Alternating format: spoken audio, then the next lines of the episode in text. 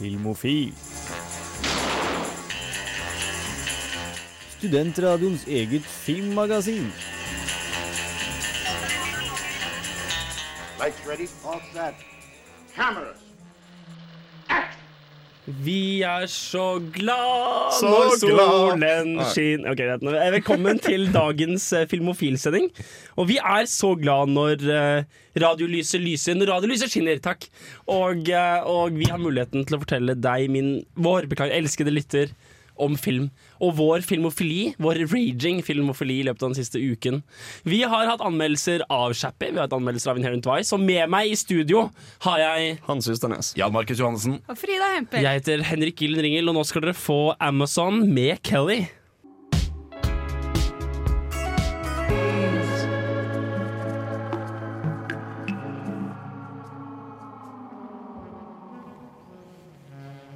Velkommen tilbake. Det er tide for Det er på tide med, eller tide for. Eh, tiden har kommet til. eh, siden sist stikket her på, på Filmofil. Uh, Frida? Eh, vet du hva, Jeg vil faktisk bare nevne en veldig trist episode jeg hadde for meg selv, som ikke egentlig går på hva jeg har sett på. Satt Men jeg fant- inn til tårer rundt av denne Nei, men det, er ikke, det er ikke langt fra. Eh, jeg satt og så på eh, ja, klipp på YouTube, la oss bare si det sånn. Og så kom det opp Brokeback Mountain. Happy ending. Happy alternative ending. Nei! Og jeg fikk en sånn, et øyeblikk med tro.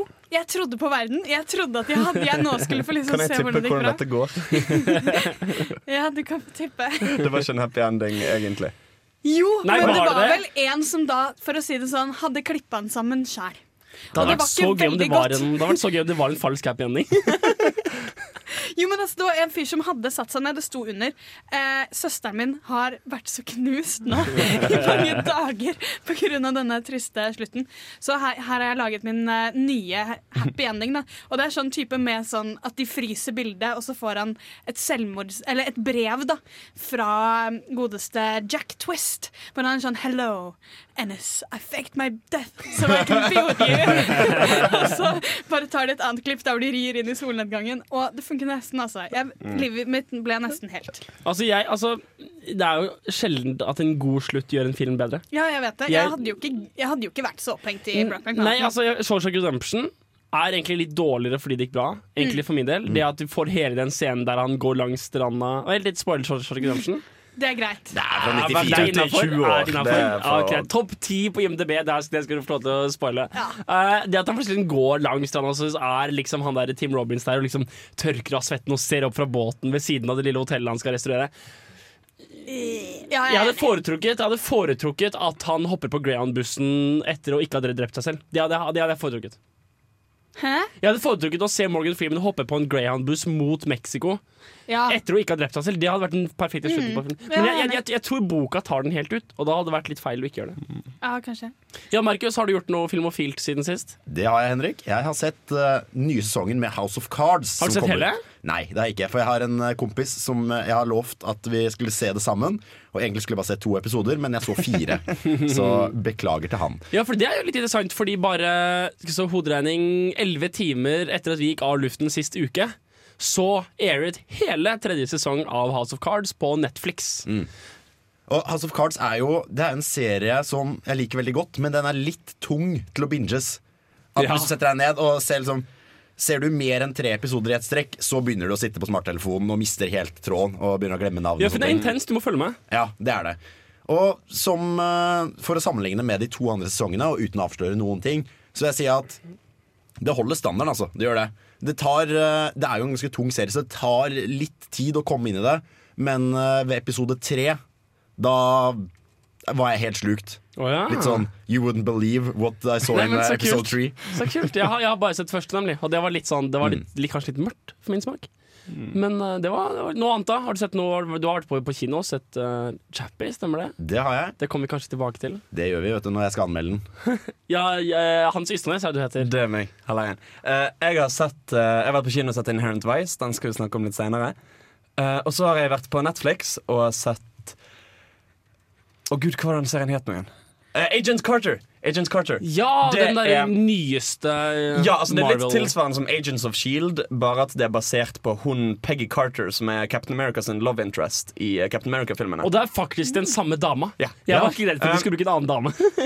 Og den, den er helt OK. Eh, Nei, ja, helt Ja, enig. ja, ja, Helt enig. nei, nei, men altså, altså, det er gøy. Altså, det er på en måte Det er sjarmerende dialog, det er flott, gøye karakterer. Jeg syns handlingen er helt OK.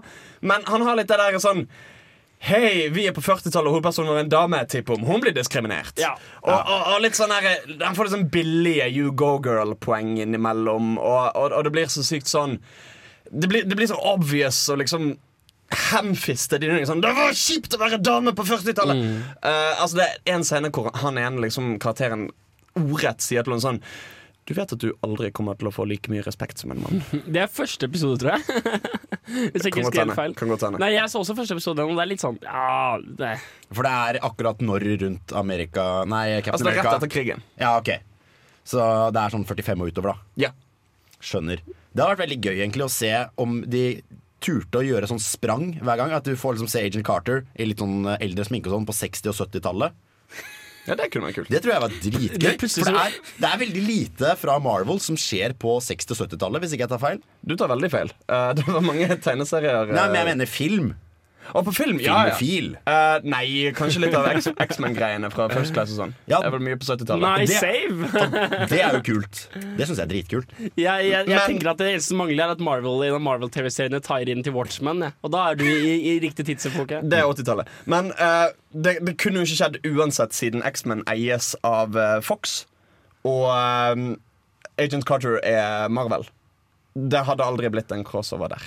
Hvis du sier det, så. Han sier jo det, han står jo rett der. Han står og sier det. Hva er det sett, tviler du på ham?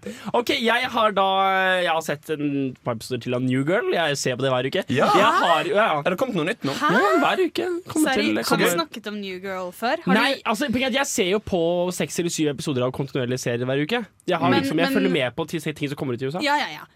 Vi var på New Girl her. Eh, du ser på New Girl? Ja, nei, Det er koselig. Det er, Det er litt mye- overraskende at du gjør det det. er mye det, pinlig, men det er, det er koselig også. Det, er jo, det, er, det holder seg overraskende friskt. Og så liker dama det veldig godt, så det er god som frokost. Jeg hadde ikke sett for meg at det var en serie for deg. Nei, men, ok, men dette her er uh, Hvordan er Zoe Deschanel i den uh, serien? For, for hun er en dame jeg bare ikke tåler i det hele tatt! Altså, hun, er det nesten, hun er nesten mest irriterende i serien etter han derre uh, Black Guy number one. Jeg er faktisk kjempeuenig. Jeg er, jeg er sinnssykt uenig. Zoe Deschanel dritsjarmerende i den serien. Jo, men det er Eh, det, det de spiller på. De jo, spiller jo, så jo, jævlig jo, beskriver henne som adorkable. Det bare sier Jo, alt! nei, men tingen er at Det som skjer i den serien, er at de første to-tre episodene Så satt jeg og tenkte sånn eh, Nå skal Zoe være så sykt wacky og edgy og bare si sånn tøysete ting og gå rundt og bryte ut i sang fordi hun er så sykt rar. Og Quirky Manic Dream quirky. Pixie Girl. Men, men, men, men det kommer under huden på deg. Jeg, jeg er helt solgt nå. Nå er det jo i sesong seks eller noe sånt. Men, men jeg er helt solgt. Jeg syns hun er så bra i den serien, og jeg liker karakteren. Og Også- det funker. Og så er det en del sterke sånne sidekarakterer og sånn. Særlig Bishop. er- Jeg elsker Bishop. Uh, ja, nei, jeg er ikke så stor fan av Bishop. Men jeg vet ikke. Nei, eh, vi skal ta og hoppe, hoppe, hoppe, hoppe Vi skal faktisk kappe Prøv en videre. gang til. Vi skal kappe videre her med Kappekoff. Eh, Dere skal få Jungstorget her på, på Filmofil. Nå har jeg 20 sekunder til med introtid til låta. Så la meg fortelle deg om Facebook-siden vår. Vi har en Facebook-side som heter uh, Filmofil, er det vel? Hadde vært rart om det ikke var det. Ja, Hans. Uh, Henrik, er det sånn at det postes ting på den Facebook-siden? Det postes ting på den Facebook-siden. Uh, litt varierende frekvens, for jeg prøver å finne ut der når alle ser det. Men mellom 12 og 4 en gang, på hverdager ish. Ja. På Filmofil på Radio Volt.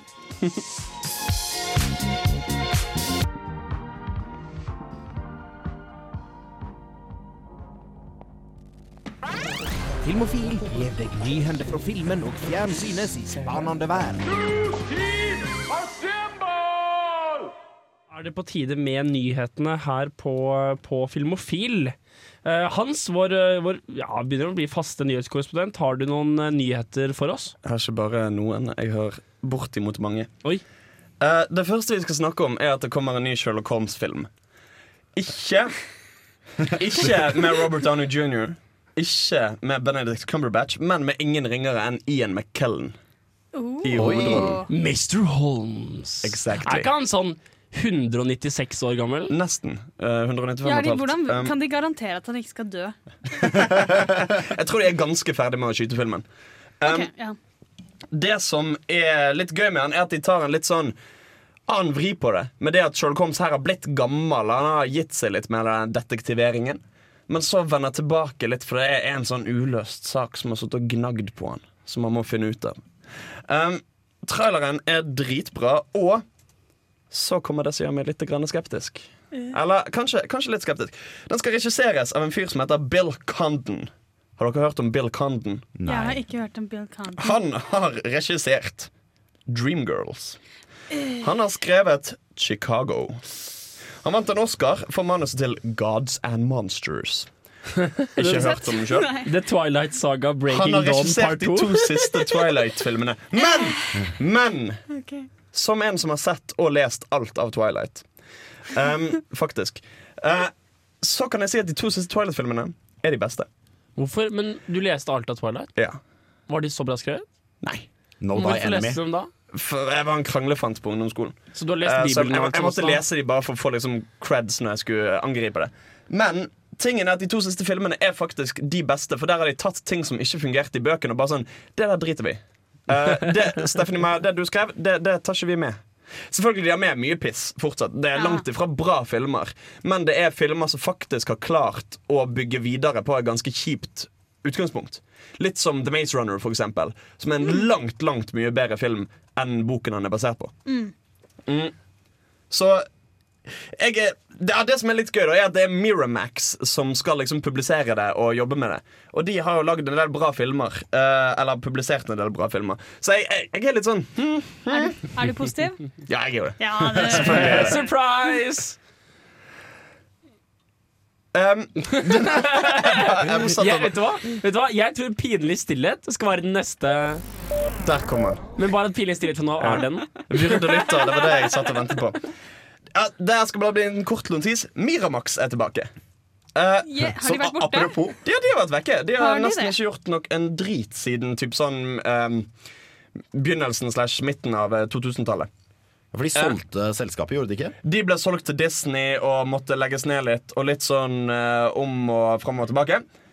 De har vendt tilbake og skal eh, skal publisere en del filmer. Altså For de av våre lyttere som ikke kjenner til selskapet Miramax. Det er de som har eh, Det studioer som har distribuert og jobbet mye med filmer som f.eks. Sex Lies and Videotape, Pulp Fiction, Clerks, Shakespeare in Love, Dogma. Og de har også stått for eh, den amerikanske publiseringen av eh, Prinsesse Mononoke og en del kule utenlandske filmer. Så de lager en del bra filmer, og de er på vei tilbake til markedet med bl.a. den nye Sherlock Holmes-filmen. Så det blir kult. Eh, så skal vi snakke om at det skal komme en Barbie-film. Yay! Men det har kommet Barbie-filmer Det har kommet et uh, par før, sånne der uh, dårlige animasjonsfilmer. Jeg må ærlig talt si at jeg føler at da har vi fått nok. Har vi det? Barbie-filmer? Ja. Ja. Har, du- har du sett så mange av dem? Nei, nei, men jeg er komfortabel med antallet som er nå. Vær så snill å fortelle meg at det ikke er live action. Det er live action. Ja da. Jeg er Jeg, ga- jeg, det er jeg ganske sikker på. Den skal skrives av en kvinne som heter Diablo Cody. Det var et bra navn! Oh my god, jeg gir av det. Og hun har skrevet Jennifer's Body og Juno. Ja, jeg likte Juno. jeg likte Juno Så dette kan bli bra. Og det, altså, Hun skal på en måte skrive ferdig manuset, som allerede ble begynt på av en dame som heter Jenny Bix.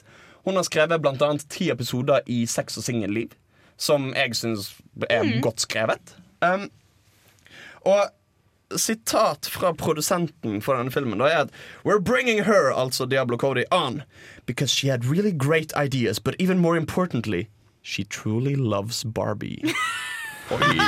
Så, ja, men okay, ok, ok, ok. Jeg tenker som så at selvfølgelig, selvfølgelig, dette kan jo ikke bli bra. Men hadde ikke vi alle litt de samme tankene rundt Lego-filmen? Jo. Som òg var en film hvor de bare kunne cashe inn på et eller annet pissprosjekt. Men det skal jo også sies at den um Jennifer's Body er jo en veldig sånn film som skjønner sin egen sjarm. Mm. Som skjønner hvordan den er fjasete.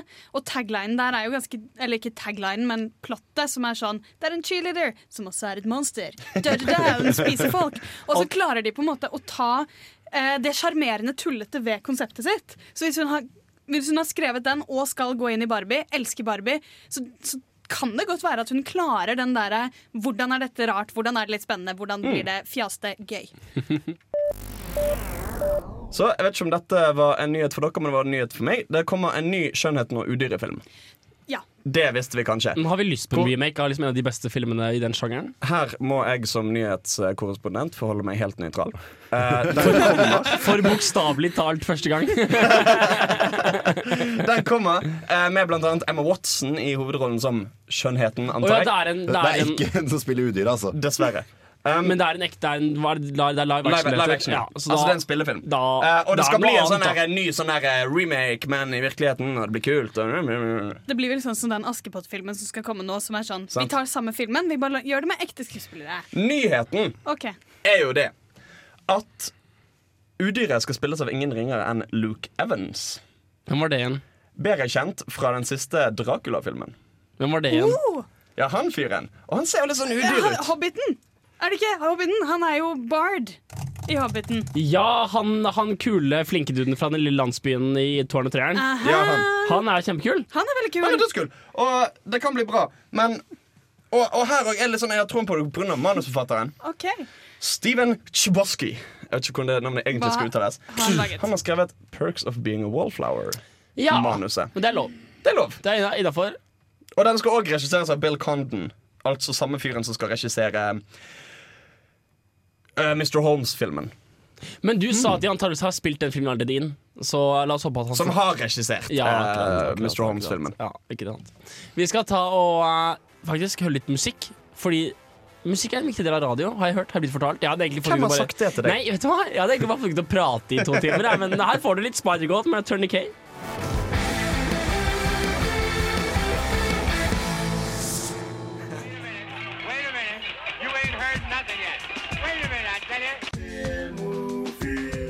you. Revolt. Nyheter 2. Ja, visst. Hans. Det kommer en film som heter Beasts of No Nation. Som skal bli en ganske kul film, ser det ut som. Med Idris Elba i hovedrollen. Og den skal, eller har blitt, regissert og skrevet av Keri Fukunaga. Som òg regisserte og produserte True Detective. Problemet er at den er kjøpt av Netflix. Samtidig som den skal distribueres på vanlig vis. Og Netflix har lyst til å begynne å la den være tilgjengelig på Stream on Demand. Uh, samtidig som man slippes på kinoer. Dette har ført til at mange kinosaler i hele USA, og særlig de store kjedene, har bestemt seg for å boikotte the shit ut av hele filmen. Og jeg synes, jeg syns det, det er interessant fordi det på en måte er en litt sånn pekepinn på hvor er liksom filmindustrien på vei hen. Al altså, altså Hva kommer til å liksom bli ordninger på sånne ting? For dette er jo på en måte bare kanskje den første hvor noe sånt skjer, men at dette kommer til å bli et vanligere og vanligere problem. Ja, fordi altså, e- etter hvert som uh, videomarkedet dabbet seg litt av, Mm. og kinomarkedet holdt seg til en viss grad, så ble det straight to video ble jo en veldig sånn degraderende betegnelse av en film. Yeah. Når den ikke gikk innom kinosalen, men kom rett på DVD. Mm. Mens nå er Netflix og streamingtjenester generelt, altså Hulu, Netflix, Amazon osv., blir en såpass stor greie at det kanskje har, når et mye større, publikum enn kinoer. Ja, Og dette, dette er jo en skikkelig film, skulle jeg si. Ja, uh, altså Overskriften var jo 'Nå har Netflix kjøpt seg en Oscar-film'. Men hva handler den om? det er noe barnesoldatgreier. Kult. nei. Ja, men nyheten er noe annet. Altså, altså, filmen- filmen virker dritkul. Ja, ja, ja, ja Idris Elba er jo en knallskuespiller. Eh, men, men det interessante her er jo nettopp det at disse kinokjedene i USA ikke gidder å vise den fordi at de vil liksom ha monopol på nye filmer. Men det spørs jo det, Du kommer til slutt til spørsmålet sånn, Vil de kunne ha den makten i framtiden? Eh, Kinosalene. kinosalene. Mm. For man kan jo si at det ser ut som Netflix ligger bedre an. Altså Strømmetjenester ligger jo bedre an enn kinoene. Altså, det kommer jo fortsatt overraskende mye penger inn gjennom kinoer. Det er helt sykt hvor mye hvordan filmer kan tjene inn hele budsjettet sitt i box office på det første halvåret. Eller beklager, på den første måneden. Ikke sant? Du har sånne vanvittige åpningshelger, og åpningshelger box office er fortsatt en greie. Og du ser sånne vanvittige tall for forskjellige filmer, og det er bare i USA, liksom. Men tror du ikke det er litt fordi filmbransjen er konservativ, og de måler det fortsatt på den måten? Jo, det kan definitivt være, men altså, spørsmålet er hvor mye mer økning i fortjenesten Netflix kommer til å ha av å slippe den hos seg selv. Ikke sant? Og det andre er uh, så lenge eh, det mikroøkonomisk støttes av brukerne, så lenge folk faktisk går på kino og sender inn pengene sine der. Ikke sant? Du gir 120 kroner for å se en helt ny film, og en viss del av de pengene går direkte til denne filmen. Hos Netflix går en milliarddel av pengene du betaler til den ene filmen. Så det er fortsatt veldig mye penger å hente inn av at alle vi kinoene viser det. Men jeg synes det hadde vært interessant hvis på en måte Hvis kinoeierne bare tenkte Vet du hva, drit i det, vi bare lar det gå og ser hva som skjer. Ja, det- hvis det en kult, ja. svær film slippes på kino samtidig som den slippes på video on demand, Mm. hva kommer til å skje med inntektene og sånn? For det de sier her, er jo egentlig at hvis den er tilgjengelig på Netflix samtidig som den er tilgjengelig på kino, så kommer ikke folk til å se den på kino. Mm. Og det betyr jo da at Ja, men problemet er vel kanskje da at det er Dere må gjøre noe mer ut av kino, da. At uh, dere må gjøre det mer attraktivt for folk, enten ved å gjøre det billigere eller ved å gjøre det morsommere å gå på kino. Ikke vet jeg, men 3D håper jeg for ikke er veien. Ja, og, og Med den retorikken de bruker, så skulle hun på en måte tro at kino var dødt allerede. Mm. Siden piratnedlastning og sånne ting har blitt så stort som det har blitt. Mm. Uh, altså Det er jo ikke vanskelig å se en kinofilm mens han fortsatt går på kino. Nei. Så, Spesielt ettersom det slippes i Norge etter at det slippes i, i Ikke sant. Amerika. mm. Så skal vi ha litt uh, Fifty Shades-nyheter igjen. Yay! Fifty Shades of Grey er forbudt i India. Seriøst? Uh, du, okay, kan, du kan godt ikke like den filmen, men den er ikke forbudt av riktige grunner. Det var en overdreven Nei, nei, Uh, grunn, altså, altså, For det første De ble tilsendt den tungt sensurerte versjonen Som er helt uten nakenhet, helt uten sex De ville fortsatt ikke ha den Ja, men det er fordi, den- det, Fordi er det fordi var den så suger. grovt språk Jo, jo, men altså hvis Fifty Shades of Grey med all skittenhet tatt ut, er jo bare en Hva er det? En reklame for deodorant? altså, hva faen? Så nå glir altså India inn i rekkene Med Malaysia, Kaukasusregionen i Russland Kambodsja, Kenya, Nigeria og Papua Ny-Guinea Det er en liste du har lyst til å være på. I hvor, hvor du vil reise i verden Hvis du ikke har lyst til å ha en sjanse til å se Fifty Shades of Grey på kino Nei, uff a meg. Liten koselig nyhet. John Williams skal bli med på en film med Steven Spielberg. Yay. Det er en eh, film Steven Spielberg og Tom Hanks eh, lager sammen, som heter Bridge of Spice. Bridge of Spice. Uh, hvor John Williams er hyrt inn for å lage musikken. Altså det. Spice som i spioner, eller Ja. krydder? Som i spioner. Jeg var helt sikker på at du mente krydder. Nei, det, det, det er noe sånn kalde krigen-drama. Altså, det skal visst være en sånn bro mellom Øst- og Vest-Tyskland. eller et eller annet sånt jeg er fortsatt skuffet over at det ikke er krydder. Ja, altså jeg, Den filmen følte jeg kunne blitt så bra. En sånn ah. krydderhandelsmann. Ja, jeg hadde sett den. Det kommer til å bli dødsfint. John Williams er en gud uh, among humans. Uh. Jo da, jo da, men fortsatt krydder. Det hadde vært dødskult. jeg, jeg er så med på de greiene greiene dere får lage deres egen film. I will. Det er sånn du får filmskapere. Neste uke Filmofil presenterer En bro til krydder. Da får dere grunn til å like oss på Facebook, da, når, når, vi, når, når vi blir sånn amatør-videoprodusentprogram. Den siste nyheten jeg har til dere i dag, er Independence Day 2-nyheter. Filmer i dag på filmer som ikke kan bli bra. Å jo da! Oh, jo da, Det blir så bra. det blir så bra Will Smith skal ikke være med. Uh, det har vi visst lenge. Men Hva er formålet med å kalle det for en oppfølger, da? Er noen av dem med? Ja. Mer penger. Det er det vi skal til, Henrik. Jeff Goldblum er bekreftet som tilbakevender Ja, til sin rolle. Ja, okay, ok, det er bra. Her er jeg uenig med hele internett, eh, men jeg elsker Jeff Goldblum. Eh, jeg syns han burde få creds for alt han har gjort i hele sin karriere. Uh, en annen skuespiller de har fått inn i filmen, er Liam Hemsworth. Mm, kjent Thor? som broren til Thor. Uh, for det er vel Og eksen til Miley Cyrus. Eksen til Miley Cyrus. Ha Gale fra Hunger Games. Jeg vet hva, jeg, vet, jeg kan så mye sladder. Jeg, bare, jeg har Altså- lest mye Se og Hør. I Hunger Games, han fyren som Katniss egentlig er keen på. Han, han, han i skogen. Gale. Hva var det han het igjen? Gale. Gale i skogen. Gale er jo egentlig et jentenavn. Gale er Um, et etternavn. Men også skal de ta inn en skuespiller som heter Jesse Usher. Som skal spille sønnen til Will Smith sin karakter i Independence Day. Og kan vi ikke bare bruke han sønnen til Will Smith, da? Nei, Jane Smith!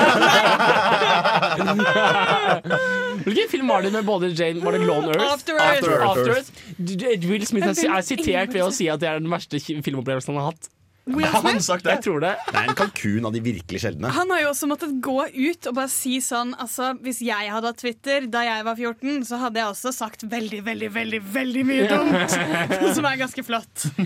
Nei, eh, det er, det er vet, vet du hva? Jeg tror, jeg tror jeg er på tide å høre på musikk igjen. Er det? Dette skjer så sykt ofte. Vi har bare pratet i 7 minutter og 40 Ikke si det til noen. Uh, Tyson Ty med Drug Mugger. Velkommen tilbake til Filmofil på torsdager på Radio Volt. Vi har vært og sett uh, film. Eller én av oss har vært og sett film. Flere av, oss, flere av oss har vært og sett på flere forskjellige filmer. En separat, unik mengde med mennesker har vært og sett på en separat, unik mengde med filmer. Uansett, hvilken film har du vært og sett, Jan Markus? Jeg har sett Chappie! Yay! Og det er en film jeg skrev i Underdusken at jeg gleder meg til. Uh, eller gledet meg til. Fordi Er, er det Jan Markus' personlige ukespalte i- Underdusken? Selvfølgelig, for de som leser det. Uh, nei. Men det er Hvilken kontekst du muligheten til å skrive opp til gledet til Chappie sånne filmer vi gledet oss til i året 2015. Mm. Og kort uh, introdusert så er jo Chappie den nyeste og tredje filmen til Neil Blomkamp, som også har laget District 9 og Elysium, som ikke var så bra. Nei, hvis denne trenden fortsetter, så er denne filmen dårligere enn After Earth. Sånn skikkelig, skikkelig ræva Ja, dårlig, fordi Lyset Elysium var betraktelig dårligere enn District 9. ja, du, du tenker at den bare den sy det synker ja, liksom hver nedover hvis det er en lineær utvikling. Men jeg har også laget en anmeldelse av den her. Oh. Så, Henrik, du skal få lov til å høre Er den dårligere enn After Earth, eller er den verdt å se? Ta en robot med kunstig intelligens, en ond Hugh Jackman, to stykker sørafrikanske rappere, litt eksistensialisme, en god dose action og noen solide spesialeffekter, og bland dem sammen i storbyen Johannesburg. Det er dette Neil Blomkamp har gjort i sin seneste film, Chappie.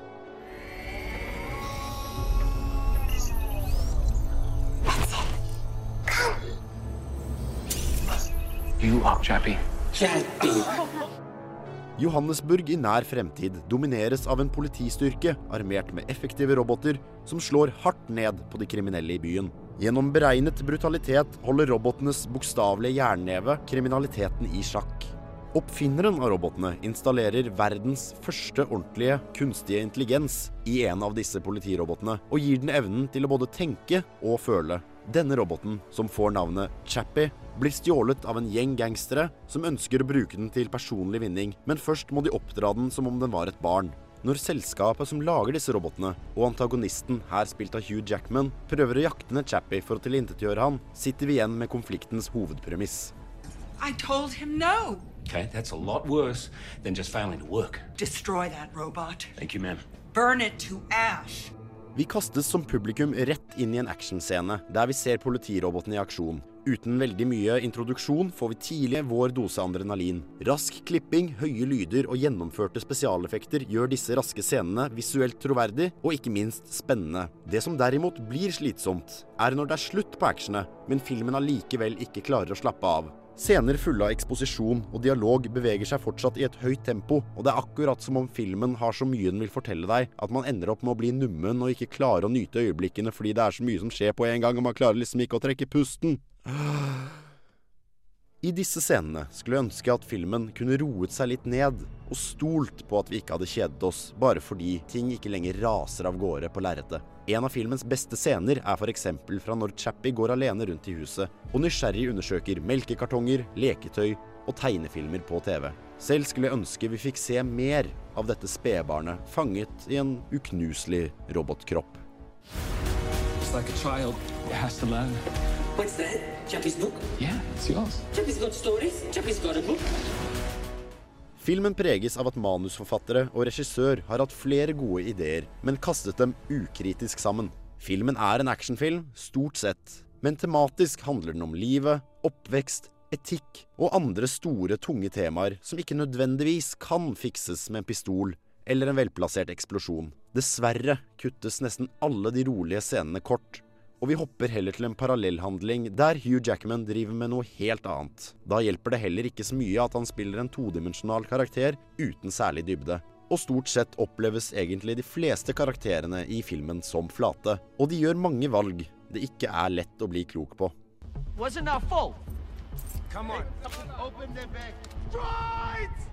Lydsporet i filmen er laget av Hans Zimmer. Det utmerker seg ikke som spesielt godt eller svakt, men gjenspeiler mye av filmens manglende evne til å slappe av. I rolige pratescener ligger det heftige bassnoter i bunn, og til tider blir det direkte distraherende. Når det store actionklimakset til slutt kommer, er vi allerede så slitne fra første halvdel av filmen at man bare synker ned i stolen og begynner å se på klokka. thinking robot could be the end of mankind.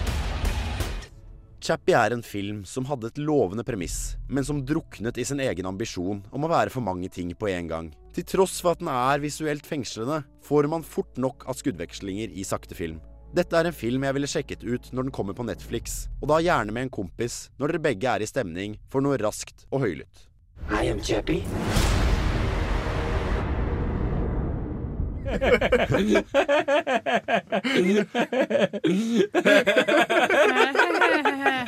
Hva, hva skjer?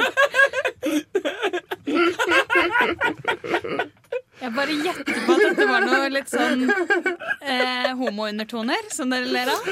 Altså, jeg, jeg, jeg, jeg, vet ikke, jeg vet ikke hvordan du beskriver en god kveld, men når jeg har lyst til å ha en skikkelig god kveld, så tar jeg med noen øl og en god kompis, og da skal vi ha det raskt og hyggelig. Ja, det var en nydelig anmeldelse, og med en uventet god slutt. Uh, Chappie. Chappie? Chappie? Chappie. Eh, det er også med han derre Dev eh, Hva er det han heter? Dev Patel? Som fra, fra min, en av mine årets 2014 beste serier, um, The Newsroom. Og Sigourney Weaver. og fra Alien. Er det, det, er det han som er med i Slumdog Millionaire og Skins det. Han fyren, ja.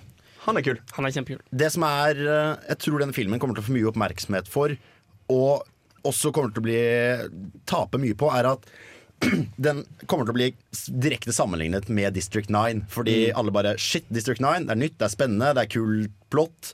Og det er Neil Blomkamps første film, og den ble veldig godt mottatt. Og når man på en måte for hver film man lager, leve opp til eller overgå den. Eh, og spesielt med tanke på at denne filmen også foregår i Sør-Afrika og er litt sånn low sci-fi. Og har jo også han som spiller uh, Vicky Svendimerv eller noe sånt nå i mm. eneren. Han er jo også stemmen til Chappie, og han er jo også med i Elysium. Så jeg tror de har en sånn derre Han og Blomkamp er showmere, liksom. Ja, det virker sånn. Absolutt. Og det som også er gøy, er jo at denne gangsterduoen spilles av The Antwoord. For de som har hørt om dem. Det Altså Det er en sørafrikansk hiphop-duo Ja. som er veldig sånn Lenge var det mange som ikke visste sånn OK, er disse to helt gale, eller er det en type performancekunst de holder på med? For det er veldig langt, langt, langt der ute, liksom. Så de spiller også gangstere, da, og har uh, også i filmen T-skjorter med The Antwoord på seg. Så det er sånn eh, Spiller de seg selv, eller spiller de Hæ? Jeg, jeg skjønner ikke. Men, men gjør de en bra rolle i filmen? Helt- funker det? Helt grei. Det er ingen sånne skuespillerprestasjoner i den filmen her som utmerker seg veldig. Uh, og det er, som jeg nevner i anmeldelsen, mye sånn rare valg sånn, hvor du sitter i salen og Hvorfor Hvorfor gjorde de det der, egentlig?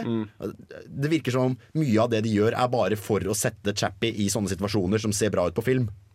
Hvordan er en, en ting som jeg har sett i litt sånn anmeldelser og omtaler jeg har lest om den filmen, er at det er en del som ikke er helt fornøyde med det visuelle i filmen. At CJ-en kan se litt billig ut.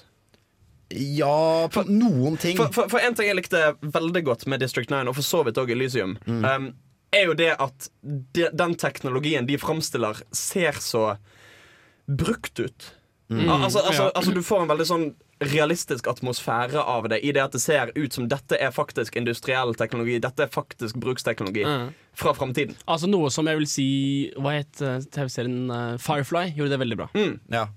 Nei, jeg hadde egentlig ingen problem med det. Jeg var imponert over på en måte hvordan CGI-en føles så vi, eh, virkelig. Fordi I motsetning til f.eks. Transformers, hvor liksom ting eksploderer, og så ser du folk snu seg et sekund etterpå. Fordi liksom en eller annen regissør sier 'snu deg nå'! Det skjedde altså, altså eh, Star Wars 1, altså remaken, hvor han liksom rir og ser på månene! Så snur han seg liksom Men der er liksom, du ser, du ser robotene tråkker i sølepytt, og det spruter, og de kommer nær liksom vaiere som henger fra taket, Ja. og ting beveger på seg. Så det er veldig, jeg syns det er veldig godt gjort. Det høres ut som du snakker om en storfilm. Altså en storskjermfilm. Og da er vi nesten litt tilbake på det med Netflix versus Ja. kinogreier. Hvor det liksom Noen filmer er bedre, og du må ha det med ordentlig ordentlig lyd. Du må ha det med ordentlig ordentlig skjerm. Du må ha en liksom Imax-opplevelsen. holdt jeg på å si. Ja, for det er jo et poeng. Altså, jeg har tenkt å se denne filmen. Uh, Burde jeg se mens jeg går på kino, eller er det like greit? Altså, altså Føler du på en måte at formatet i kino med liksom god lyd og svært bilde og sånn til, Tilføyer du noe, eller går det like så godt an å se det på PC-skjermen? Jeg vil nesten si at det er egentlig ganske likegyldig. Ja, okay. Det som er det største problemet ved denne filmen, er at du har så utrolig lyst til å se på en måte, hvordan en kunstig intelligens som på en måte fødes på skjermen, og som begynner å lære, oppfører seg. Men du får så mye mye mer action. Jeg vil si at kanskje 60% av hele filmen er action. Og hvis de hadde kutta den ned, så du faktisk fikk pauser og en slags kontrast til det gira-farten, så hadde du hatt noe mer å sammenligne med og følt litt mer. Men den gang ei. Lagde ikke Steven Spielberg en film som het AI på et eller annet tidspunkt? Jo, han annen- eh, fer- ferdigstilte um, Stanley Kubrick. Ja, sin sin- AI. Så la oss si at du introduserer en, et aspekt i Shappy der noen har på seg en hette, så kan det bare være sort film, og så spiller vi av lydklipp fra AI. Så kan vi lage en YouTube-remake. Andre videoen som kommer opp på Facebook-sida til Filmofil. Eh, dere skal få litt eh, Chris Weisman med 'Backpack People' før vi ruller bedagelig videre til eh, hans anmeldelse av Inherent Vice her på Filmofil.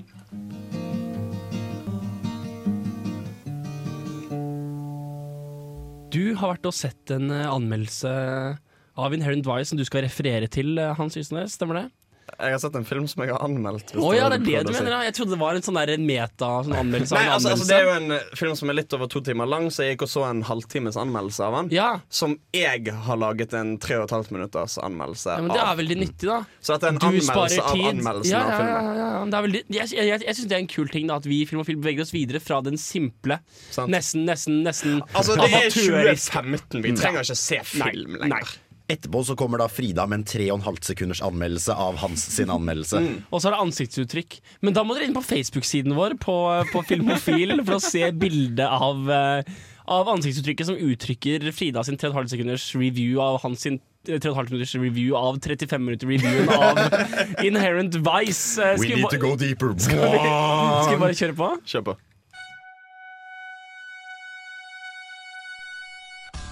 Inherent Vice er en av de rareste filmene jeg har sett på lenge. Han tar for seg de siste krampetakene til hippiebevegelsen på begynnelsen av 70-tallet, gjennom privatetterforskeren Larry Sportello sin etterforskning av en massiv konspirasjon mellom bl.a. en kinesisk narkokartell, Det ariske brorskap og et tannlegesyndikat. Med en slags absurd humor og en stil som føles som en blanding mellom Fear and Loathing in Las Vegas og The Big Lebowski, ser han på hippietidens siste dager i møte med forretningsmenn, kulter og organisert kriminalitet. Han er forvirrende, rar og til tider frustrerende, men når jeg gikk ut av kinosalen, fikk jeg lyst til å se han igjen med en eneste gang.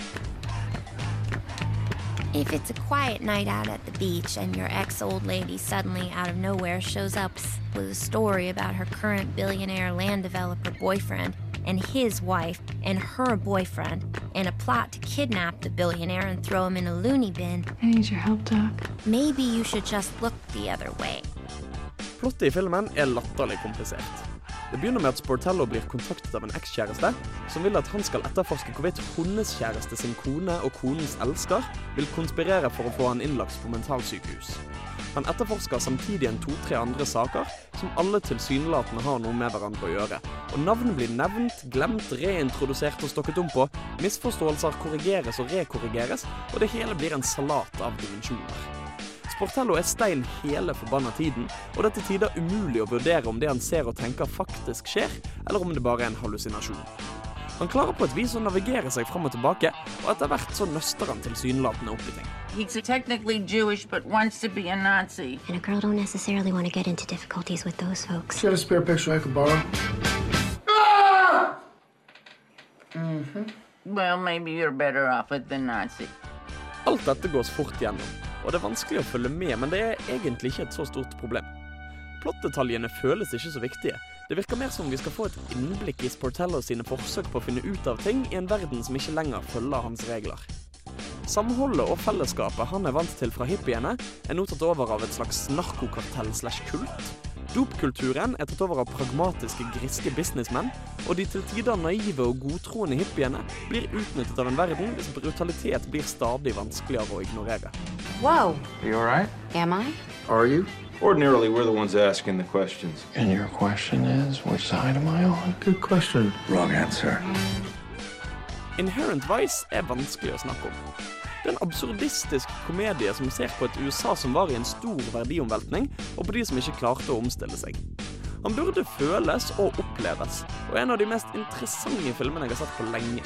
Selv om plottet føles innviklet og det blir liggende mange løse tråder, føles slutten tilfredsstillende, og hvis du likte Fear and Loathing eller The Big Lebowski, så vil du nok like Inherent Vice òg.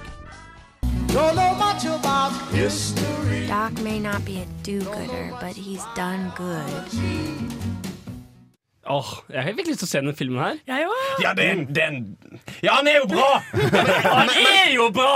Det er ikke det jeg sier. Nei, nei, men, men- Problemet er at du blir bare sittende der bare sånn Vent, ja, men Nei, ja, men nå, nå Hvorfor Han åh! Men Paul Thomas Anderson, som er regissøren, er jo ganske surrealistisk i veldig Mm. mye av det han gjør. Selv The Master, som var Det er vel den forrige filmen hans.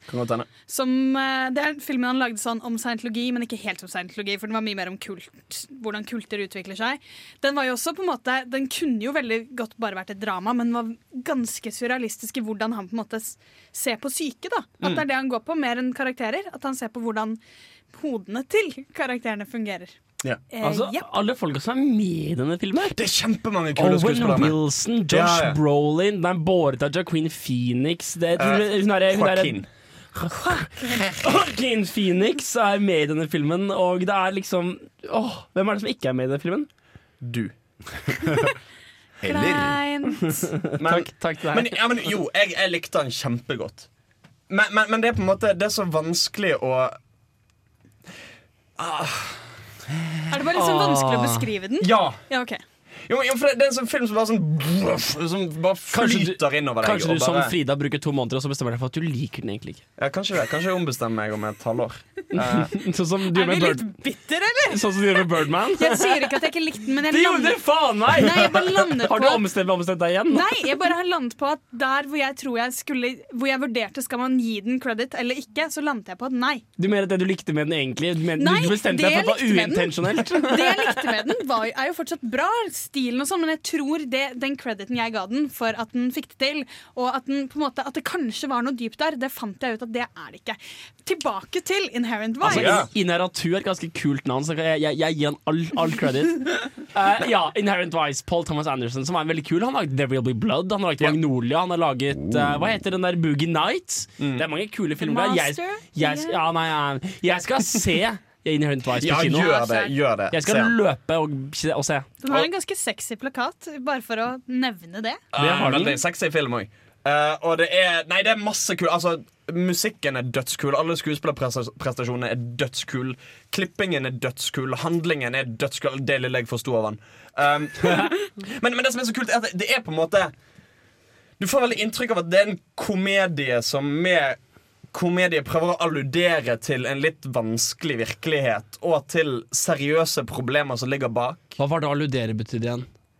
Uh, henvise til. Ah, ok. Um, al- altså, på en måte, du har uh, du, du har jo disse hippiene som går rundt, er stein og ikke helt forstår hva som foregår. Og da er det passende at du som tilskuer også er litt stein og ikke forstår helt hva som foregår. Ja, sant. Eh, men, men Jo, men tok jo det et poeng? Ja, At man skal liksom sette seg inn i deres situasjon. De skjønner ikke hva som foregår. Alt går for fort, og så plutselig så sitter du der og føler akkurat det samme. Sant? Og så ser du på en måte hippiene som av politifolkene blir behandlet som de er noen sånne her kjipe kultfolk. For så sjøl bli utnyttet og til en viss grad erstattet av faktiske kultfolk som har liksom tilknytninger til Manson-gjengen og alt det der. Og det, det er så det, det, det virker på en måte som det er en svær, kjip, mørk greie som du bare får hint til gjennom deres litt sånn oppstykkede virkelighetsoppfatning. Og Samtidig så refererer du til det som en blanding av uh, Fear and Loading in Las Vegas og uh, The Big Lebowski. Og det er to filmer som veldig bare er liksom på en måte følger sine karakterer rolig. Ja. Det er liksom bare rolig filming av karakterer som gjør litt ville ting. Er det dette den filmen også gjør også? Fordi du, du, du omtaler den som en orkan av weirdhet. Ja.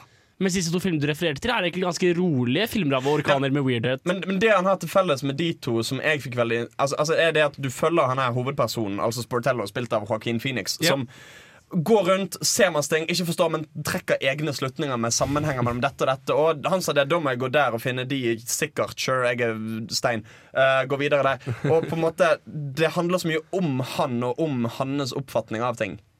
Og Joaquin Phoenix funker. Funker som bare faen. Han spiller dritbra. Da er det Speedy Ortiz med 'Racing the Skate' her på Radio Rolt på Filmofil. Håper du koser deg.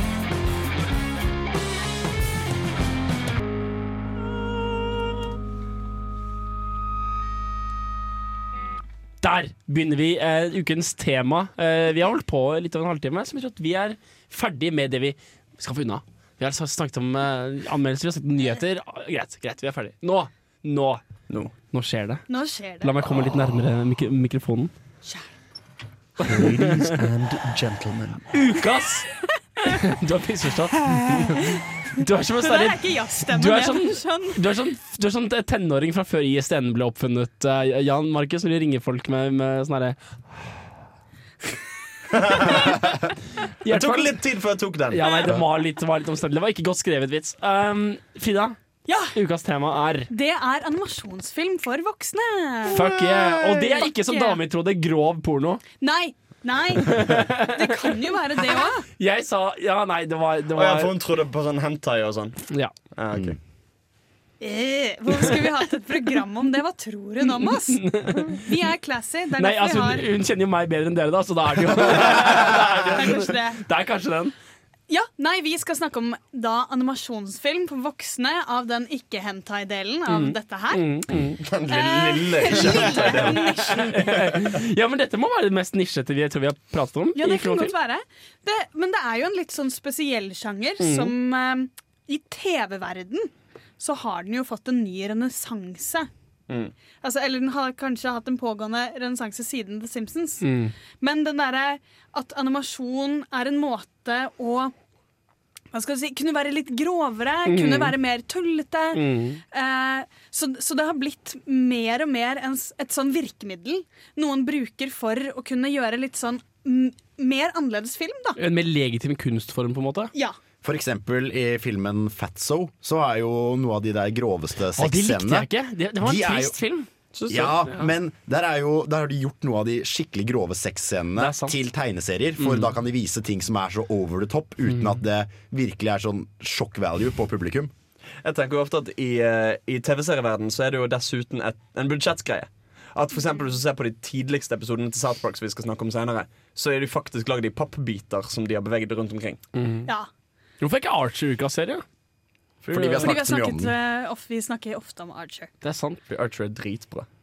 Ja, okay, Jo, men. Archer er jo et veldig godt eksempel på det der. da En sånn Tydeligvis ikke like bra som South Park, da.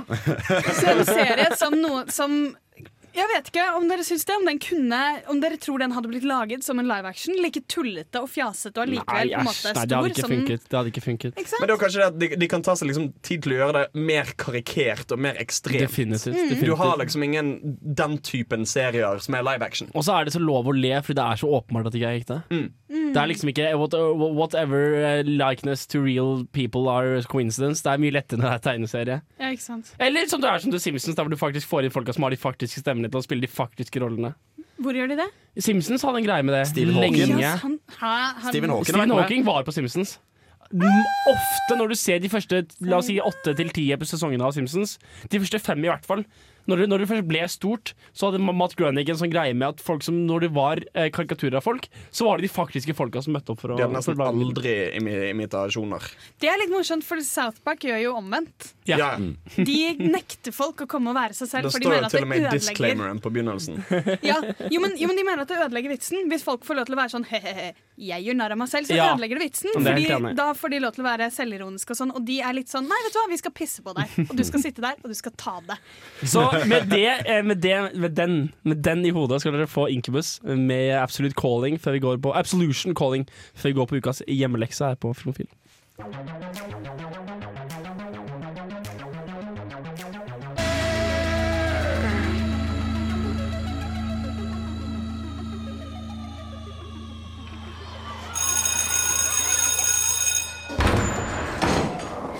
Will be no foolish wand waving or silly incantations in this class.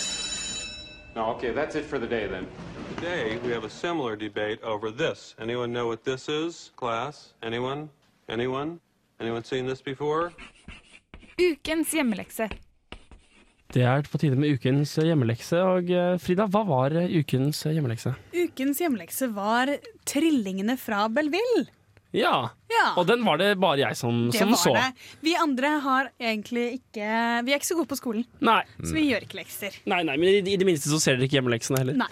Uh, jeg var faktisk og så den uh, tilfeldigvis. Uh, og det er fordi eh, jeg ikke har hatt noe bedre å gjøre.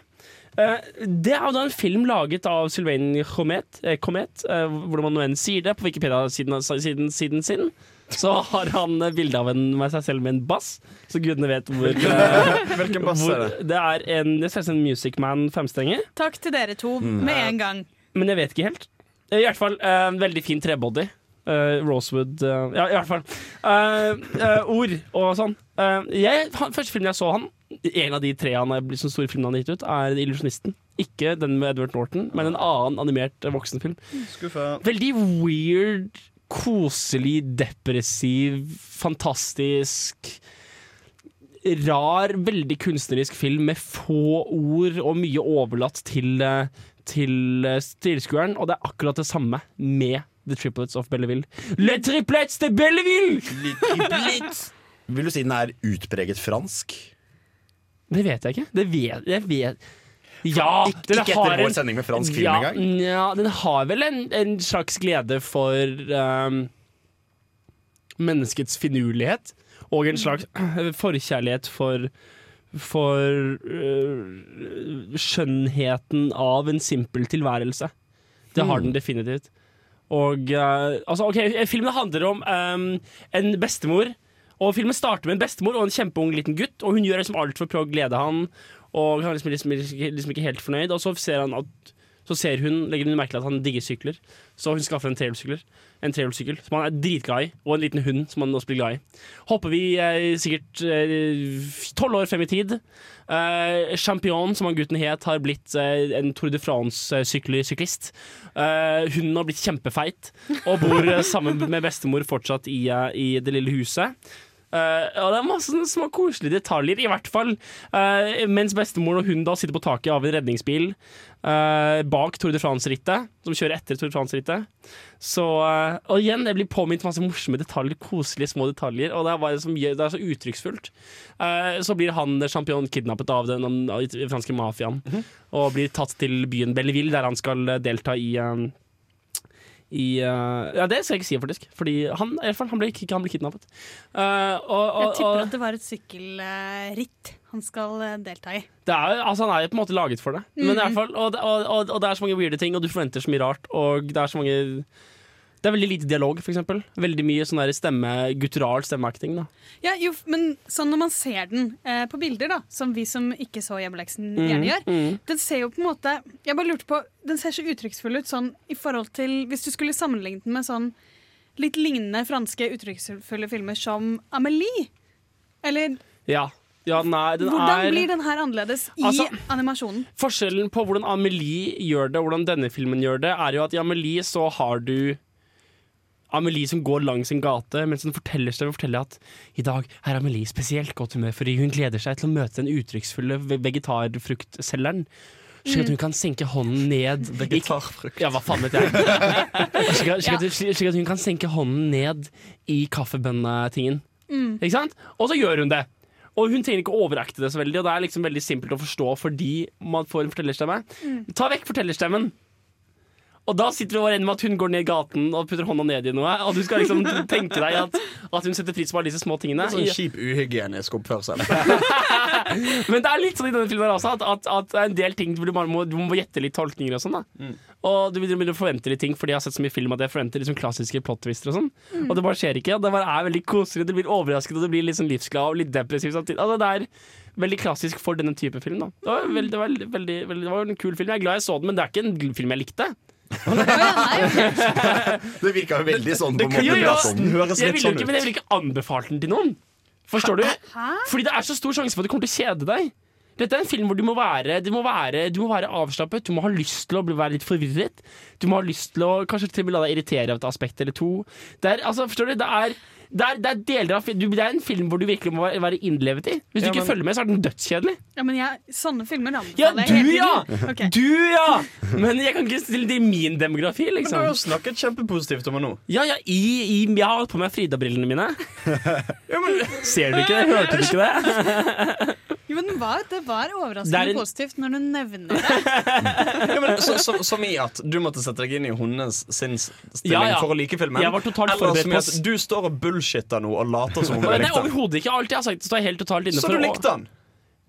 Jeg likte den fordi jeg var så forberedt på å se akkurat den type film. Hvis jeg hadde vært forberedt på å se The Lego Movie, og det hadde kommet opp, så hadde jeg seriøst ikke sett hele. Ja, Så jeg men var- sånn jeg- jeg ser man jo på en måte film. Man, Ja, akkurat, men da må du være såpass forberedt på en, på en film av Sylvain Comet. Du kan ikke bare du kan ikke, du kan ikke, du kan ikke komme og tro at dette er en, eh, den siste filmen fra, fra Quentin Tarantino. Og tenke å, nå skal jeg se Planet Terror 2, og så kommer du og ser det her. Du må ha riktige forventninger til filmen for at det skal funke. Jeg har lyst til å se den, jeg. jeg har også Det lyst til å se den. Ja, men Det er fordi du har hørt meg runke over den i fem minutter. Husk Henrik, at du fungerer på den måten i litt større grad enn mange andre gjør. Jo da, Eh, men For våre lyttere som kanskje ikke kjenner Henrik så veldig godt. eh, Henrik ser ikke trailere, for han får filmer ødelagt av å se trailere. ja, men det har noe annet med. Det er jo fordi de, de spoiler jo i trailere. Jo, men, men det må jo sies at du kanskje er litt vel mottagelig for å få en film ødelagt på forhånd. Jo da, jo da. Jo da. Kanskje i høyere grad enn mange andre. Vi skal ta og diskutere drama, men først skal vi høre på Viet Cong fra Silhouettes. Hvis folk er- føler seg informert om Belleville, føler folk seg informert om Belleville, Jeg føler jeg kan alt Ja. om Belleville. bra. Musikk.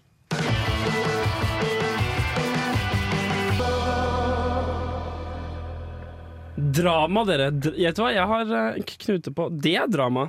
Jeg har lyst til å prøve det en gang til, Henrik. Drama, dere. Ja, jeg har en knute på eh, Å ja, du, du valgte å ta med den, den der andre gangen også. Ja, men det er drama! Nja. Drama i en voksen animasjonsfilm. Ja. Go! Ja. Mens jeg fikser knuten Jo, jo, på men jeg vil eh, faktisk bare starte med å nevne en film, og det er uh, Walls with Bashir. Ja. Vals med Bashir. For de som sleit med engelsken der. Og Frida, hvem er Bashir?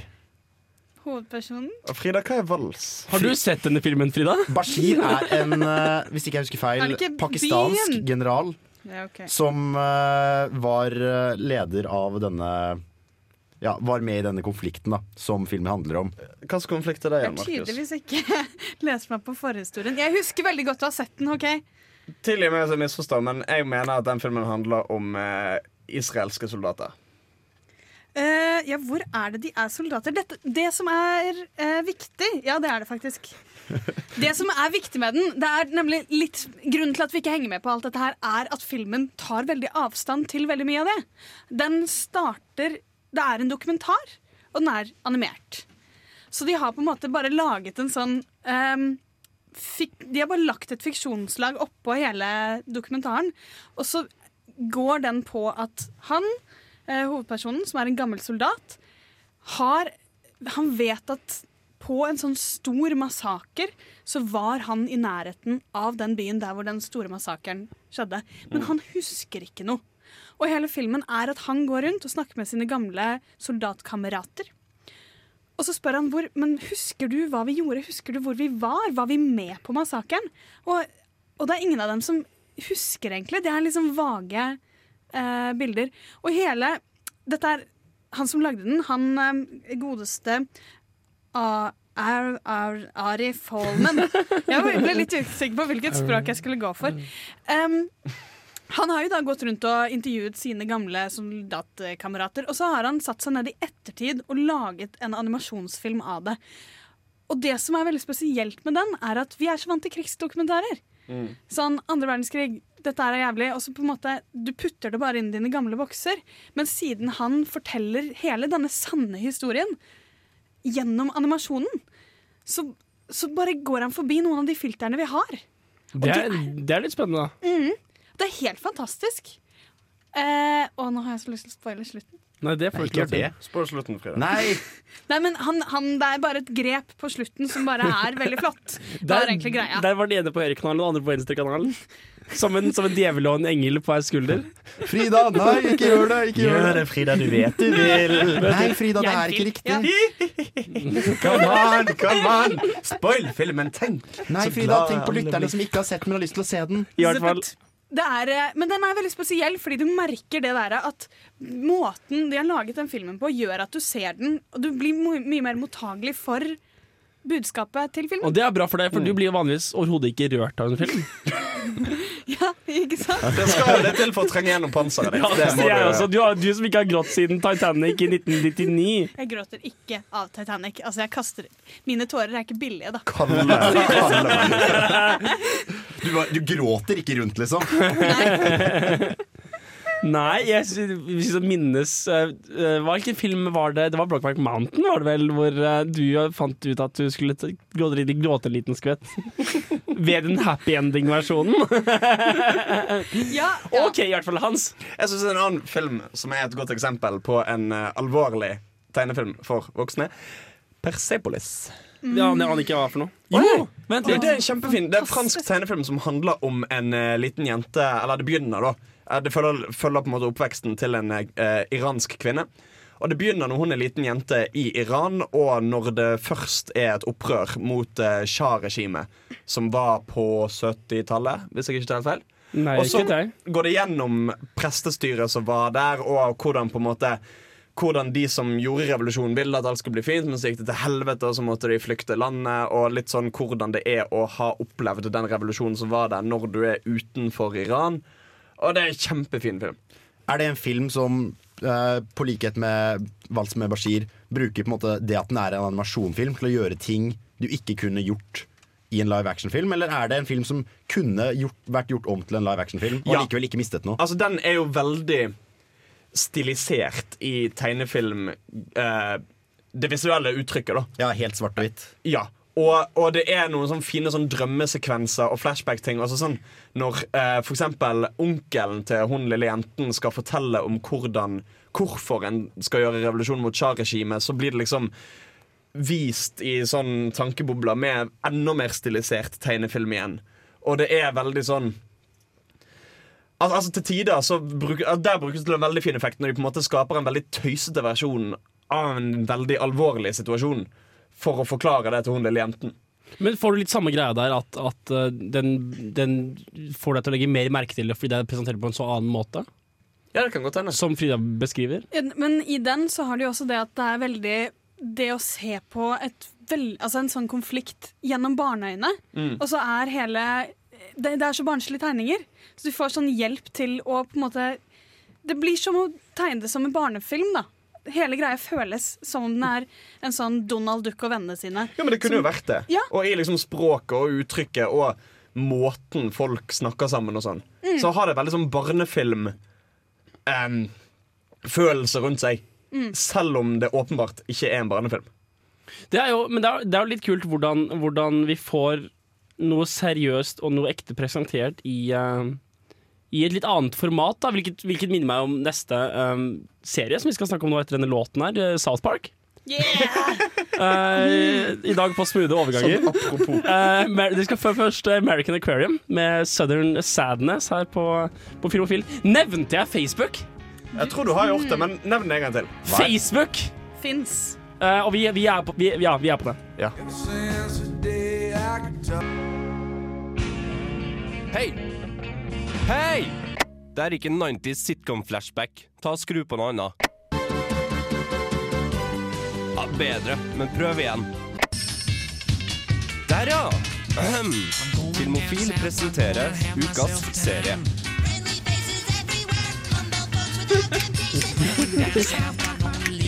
Vet du hvem som skrev denne sangen? Nei. ben bandet Primus. Hvem er Ben Primus? Eh, bedre kjent for bassisten, som heter så mye som Å gud, dette var dårlig researchet. For dette er, det er en finsk heavy metal-gruppe, er det ikke det? Les Claypool. Du tenker på Primus? Med Z? Primus? Ja. Jo, det, det, Hvem var eh, Les, Clay, bassisten? Les Claypool. heter han. Ganske berømt fyr. Ok, uh, Ukas TV-serie er da South Park. For de som ikke har lagt merke til det. Og kanskje det er andre der ute med, som deler min, min totale, totale Jeg bryr meg ikke. South Park. Okay, la- Om South Park? oss bare starte på starten. Dere har, eh, Hvor lang tid har dere? Dere har ikke så lang tid? Fire minutter? Frida, kjør! OK, South Park Yay! er awesome! Vi må starte med det. Dritbra serie. South Park er jo faktisk det veldig mange av disse amerikanske satire, tegnede satireseriene prøver å være. Er det jo South Park som virkelig er. Det er de som er drøyest, som på en måte går lengst i sånn ah, Fuck dere, vi har vår humor her borte. Den har mye bæsj i seg. OK. Og så allikevel så klarer de å ha så skarp satire. Og siden de lager hver serie på seks dager De starter når forrige eh, forrige episode blir vist, så starter de på neste episode. Så eh, de klarer å være så dagsaktuelle på en måte ingen andre klarer. da. De ender ikke opp med å kommentere i ettertid, de kan komme rett på. Og så har du liksom sånne At ting kan utvikle seg mens de driver og lager eh, neste episode. Som eksempel den ganske legendariske 200. og 201. episoden. Hvor de drev og tok opp Mohammed-karikaturene igjen og skulle vise Mohammed. Og det var mye tulletøys. Og de hadde Mohammed som gikk rundt i sånn maskotdrakt. Fordi ja, Sånn de kunne ikke se. Mohammed. Man kunne ikke se Mohammed. Det går rundt i en maskotdrakt. Og så har du masse sånn folk som reagerte skikkelig på det. Og sånn, du kan ikke behandle Mohammed på den måten. Det er jo forferdelig disrespektfullt, selv om dere ikke viser han. Og så da i neste episode så viser det seg at når han tar av hodet, så var det julenissen, fordi de hadde jo gjemt Mohammed et sted der han var trygg. Altså, de klarer liksom å gi folk fingeren på en så utrolig behagelig måte. Det er en, ko- en komiserie. Ja. Fra Canada. Nei. Er det ikke? Fra Amerika. Er det? Fra USA. Er det de, de, er det et, oh, ja. Ja, De mobber Canada ganske mye. Ah. Det gjør de. Blame Canada! Er det, er det Ja, South Park? Ja, ja. Mm. Der har du, Men det er jo fordi USA lager en krig med Canada. På grunn av at eh, Canada har et program som sprer banning og prompehumor til Barn. Og det kan ikke ha òg. Queefing, er det fra South Park? Yep. Eller det er kanskje ikke fra South Park, men Nei, ikke konseptet, episode. men at det ble en greie i norsk media en bitte liten stund. Ble det det? Ja, jeg føler at det gikk en liten sånn seiersrunde på, på Facebook, eller hva det var som var aktuelt på den tiden. MySpace. La oss queefe!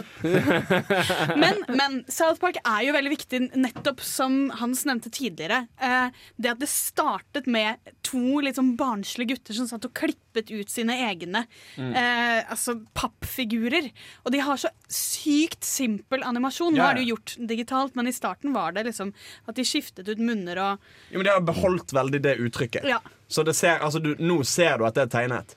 Men de har beholdt liksom små detaljer. Som for eksempel, Hvis du ser de første par episodene, så ser du liksom skyggene til pappbitene fordi at de ikke er helt flate. Og det er kjempegøy. Det er jo det Trey Parker og Matt Stone dere snakker om. Ja. Og det er de som fortsatt lager serien. Ja, det er jo også noe veldig flott at de går ikke ut, i, ut fra å ha full kontroll. For de er sånn, hvorfor i helvete skal vi gå et annet sted? Hvorfor skal vi skifte og liksom finne på noe annet og begynne å lage filmer og sånn?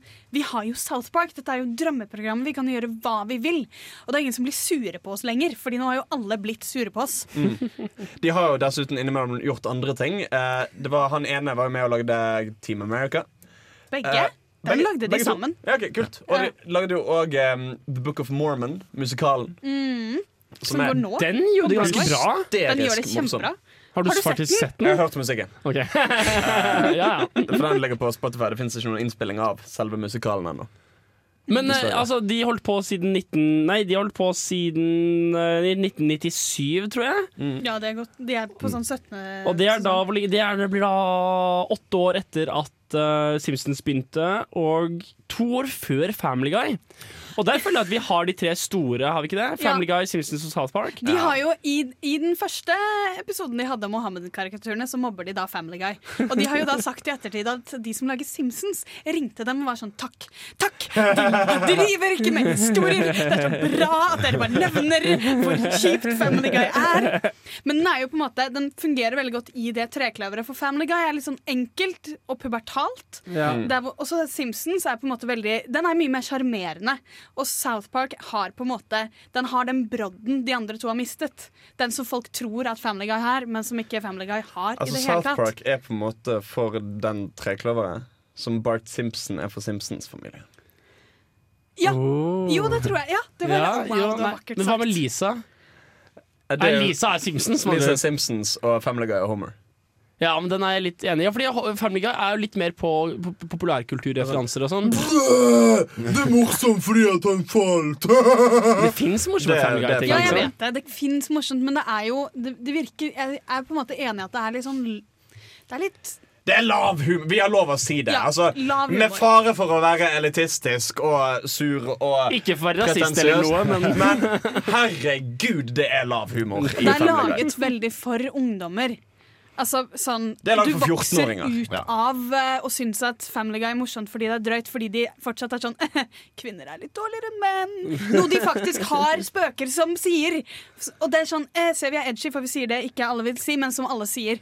Og der er jo South Park mye bedre fordi de faktisk er edgy. Men før vi kommer inn på voksen animasjonsfilm og humor, eh, komedie, kan vi ikke ta et rask South Park-klipp? Det er det? Dette er fra filmen.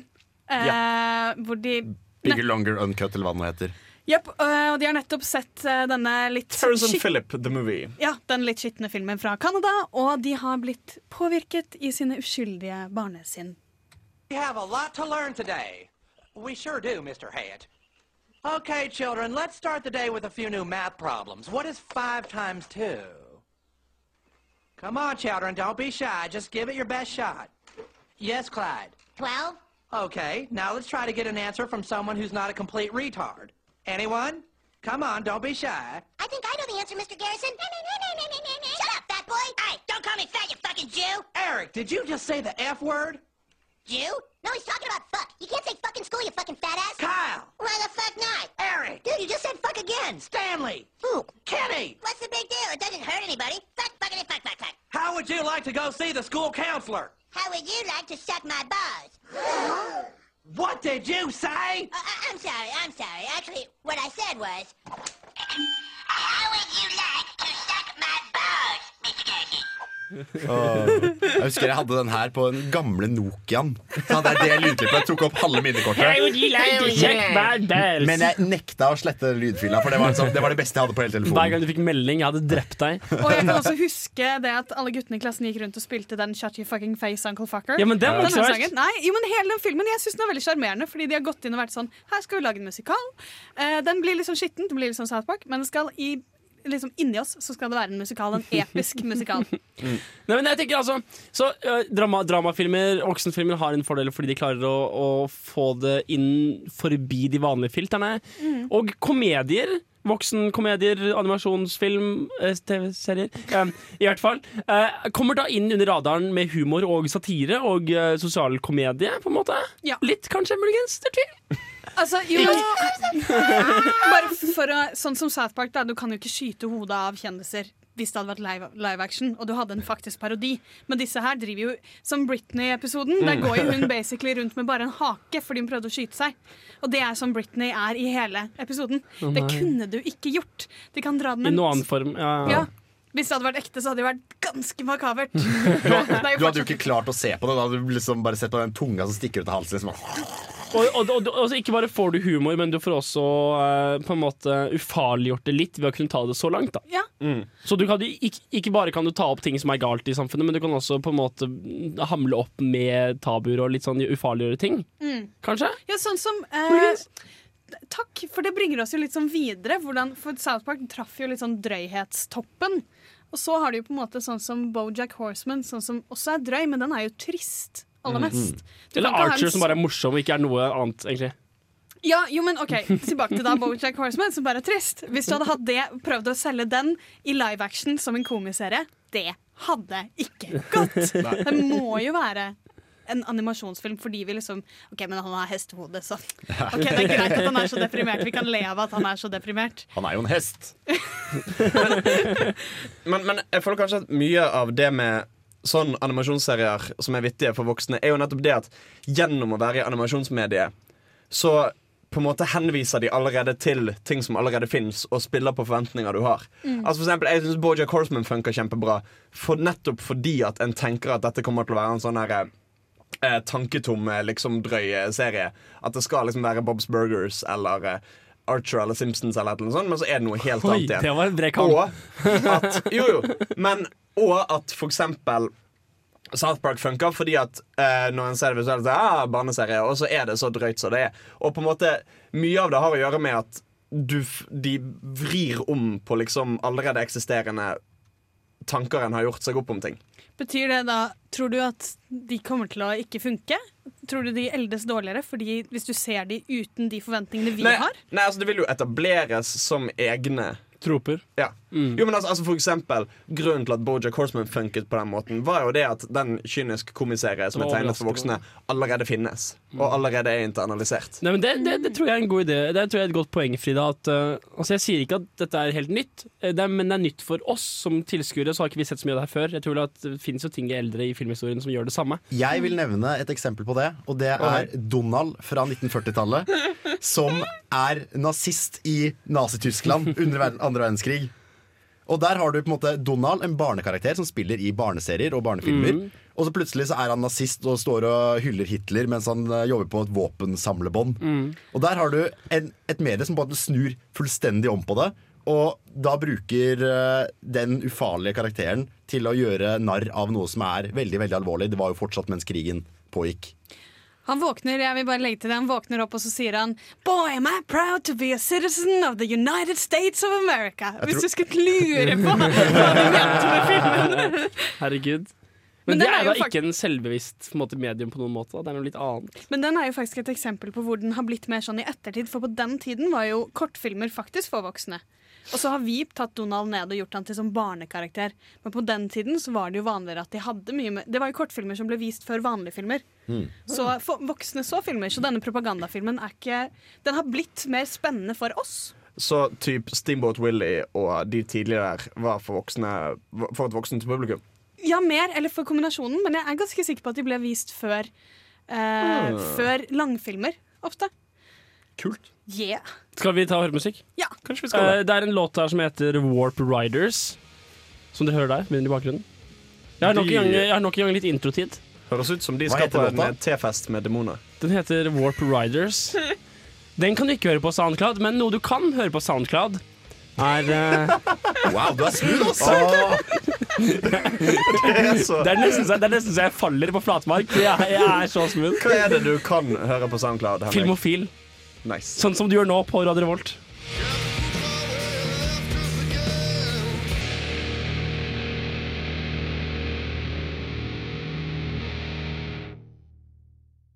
Play it once, Sam. Det er jo alltid å ha musikk når den er påtent. Helst noe indisk eller pakistansk. Ukas filmlåt.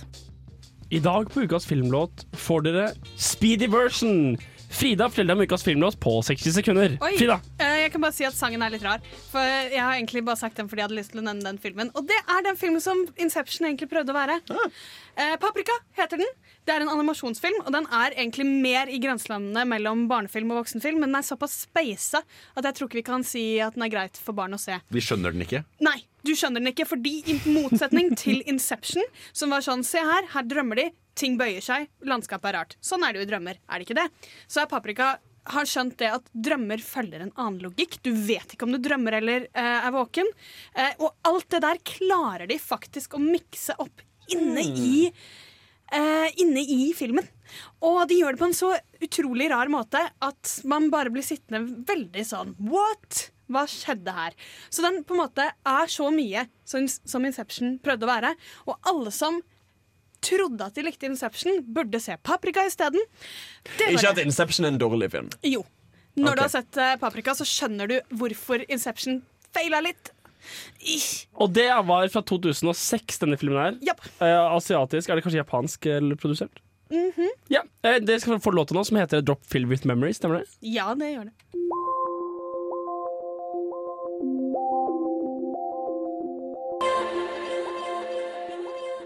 Ja, for alt dette pratet om sosiale medier og uh, diverse har nå ført til at jeg har mistet mine tre sosiale radiomennesker til habbo.com. Så kanskje, kanskje dere finner Filmofil på Habbo i tillegg til, uh, til Soundcloud og Facebook og Jeg lagde nettopp verdens beste brukernavn, så hvis noen finner meg, så skal de få en uh... Fleischgevær? Du skal ikke si det! Det skal være hemmelig! Herregud. I dag, I dag har vi snakket om Chappie, en film du ikke trenger å se. Inherent Vice, en film du må se. Vi har snakket om Paprika, en film du må se. En South Park, som du har- antakeligvis har en mening i forhold til. Tvillingene fra Belleville, en serie, en film du har lyst til å se kanskje hvis du er i humør til en sånn type film. Og vi har pratet om animasjonsfilm. Det stemmer. Neste uke derimot skal vi prate om Kultfilm!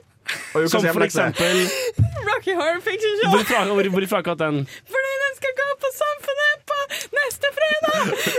Så eh, fredagen etter neste ukes sending Så kommer vi til å Kommer, kommer Filmofilgjengen til å møte opp i eh, Get Up i eh, kostyme. Yay! eh, på, på, på Rocker Picture Show. Og hvis du har lyst til å være med på den fe- festen på Samfunnet, så bør du eh, muligens så må du bestille billett, og du må bare se filmen foran også, for du får ikke med deg filmen så veldig bra på den visningen. Nei, nei, du må jo drive og svare den, så du må på en måte skjønne hva som skjer. Ja, du får utdelt, eh, du får utdelt uh, um, sånn der script og greier, Ja, ja. Uh, og du må ikke ha på deg noen klær som, um, som du har lyst til å beholde. Eh, men i hvert fall neste uke er kultfilm, og Rocker Picture Show fra 19... Når er det filmen fra? Meh. 71 Det tror jeg ikke er så viktig, altså, det er ikke, egentlig. det er ikke stort problem. Mm. Og, og Meatloaf inn gjennom veggen på motorsykkel like a bat into hell er, er, øh, er uforglemmelig filmhistorie. Eh, Så kultfilm er altså neste ukes tema. Det har vært eh, Henrik her. Hans. Jan Markus. Frida! Og det har vært Filmofil. Håper du har kost deg. Velkommen tilbake neste uke. Og, og, og Facebook! Facebook. Lik oss på Facebook. Ha det bra. See and I.